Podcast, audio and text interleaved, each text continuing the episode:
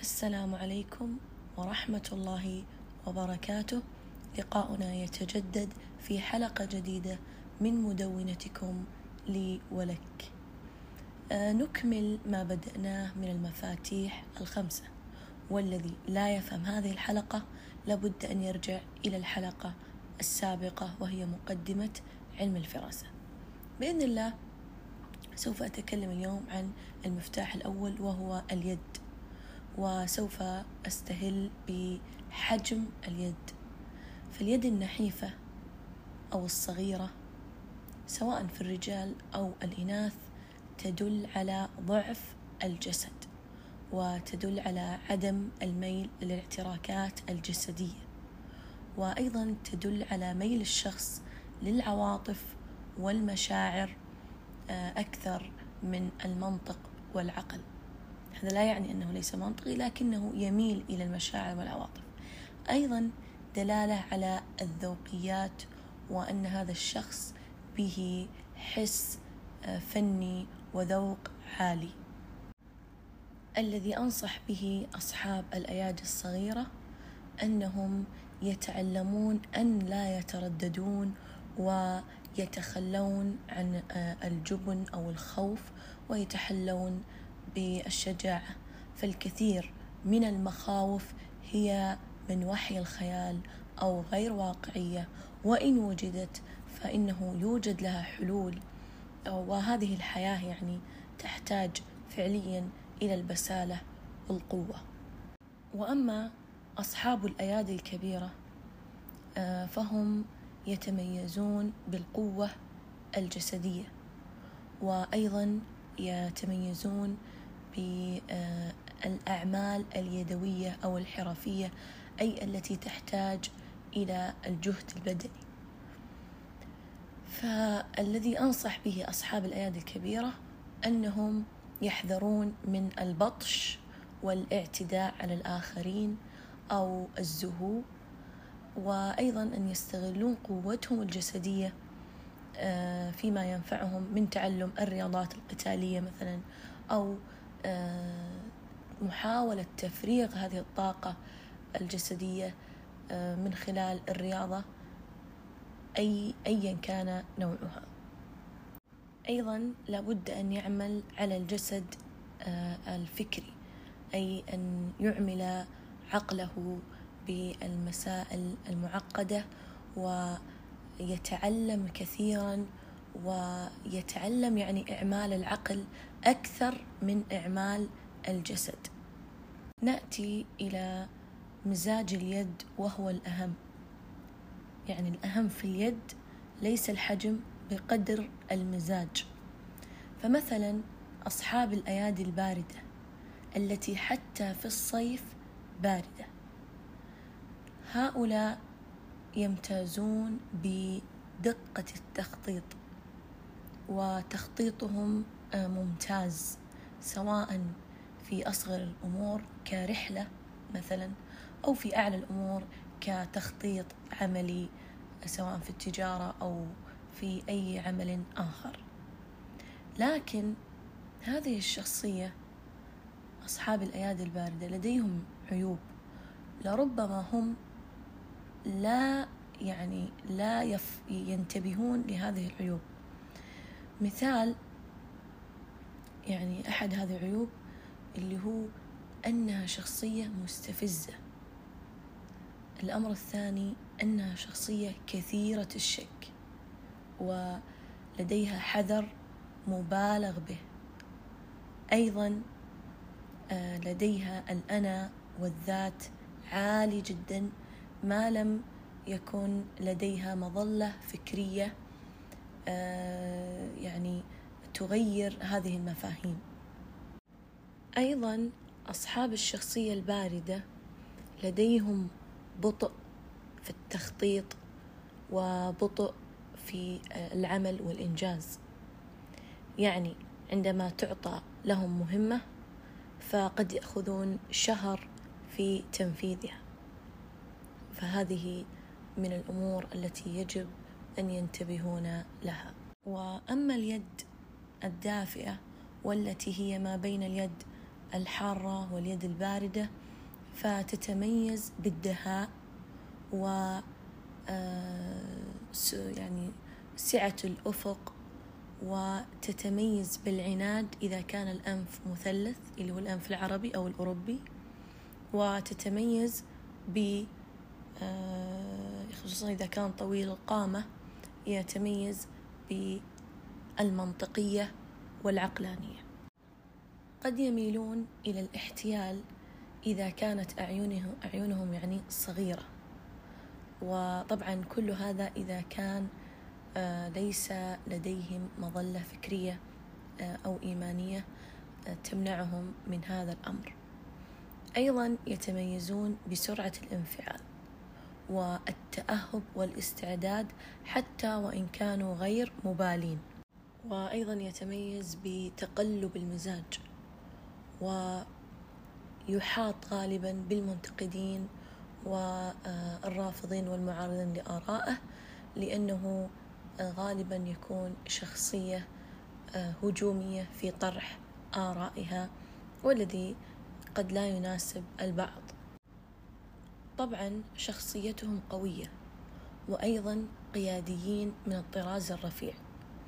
ولا يقتنعون إلا إذا حادثتهم بشكل عقلاني. أيضا آه هذه الشخصية هي شخصية ابتكارية ومتفردة وتحب التميز. وأنصح هذه الشخصية بالليونة. لأنها حادة وسليطة اللسان خصوصا أثناء الغضب. وأنصحها بالقراءة لأنها شخصية لا تحب أن تقرأ تحب أن تعطيها زبدة وهي مع ذاتها تربط الأحداث. وأيضا أنصحها بالتروي وعدم الانفعال والهدوء. وأما أصحاب الأيادي ذات المزاج الحار أغلب الوقت سواء في الصيف أو الشتاء. هذه وخصوصا إذا صغرت أو قصرت القامة يكونون يتحملون مسؤوليات جدا كبيرة وهذه الشخصيات عصامية وكثيرة التفكير ويعني تفكيرهم خارج الصندوق مختلف عن الآخرين ولكن بهم عيوب أنهم دائمو الغضب ودائمو التوتر. أيضا يكونون شخصية صعبة الإرضاء.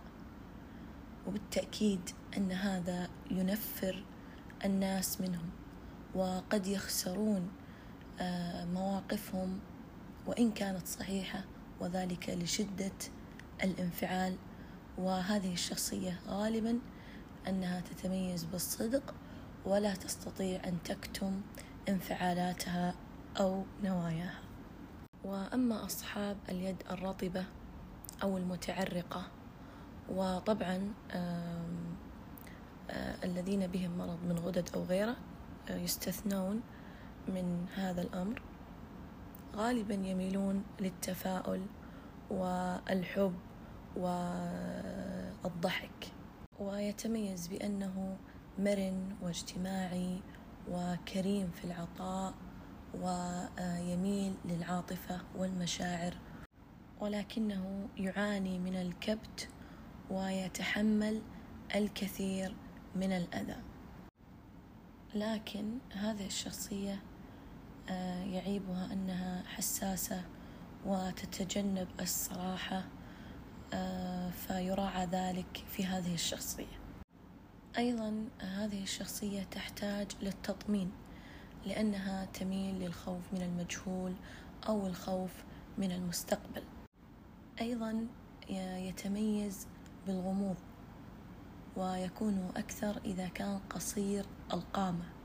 وغالبا هذه الشخصية تهرب من الصريحين آه الذي قد تكون صراحتهم تصل إلى حد الوقاحة وأيضا يهرب ممن يرهبونه أو يخوفونه.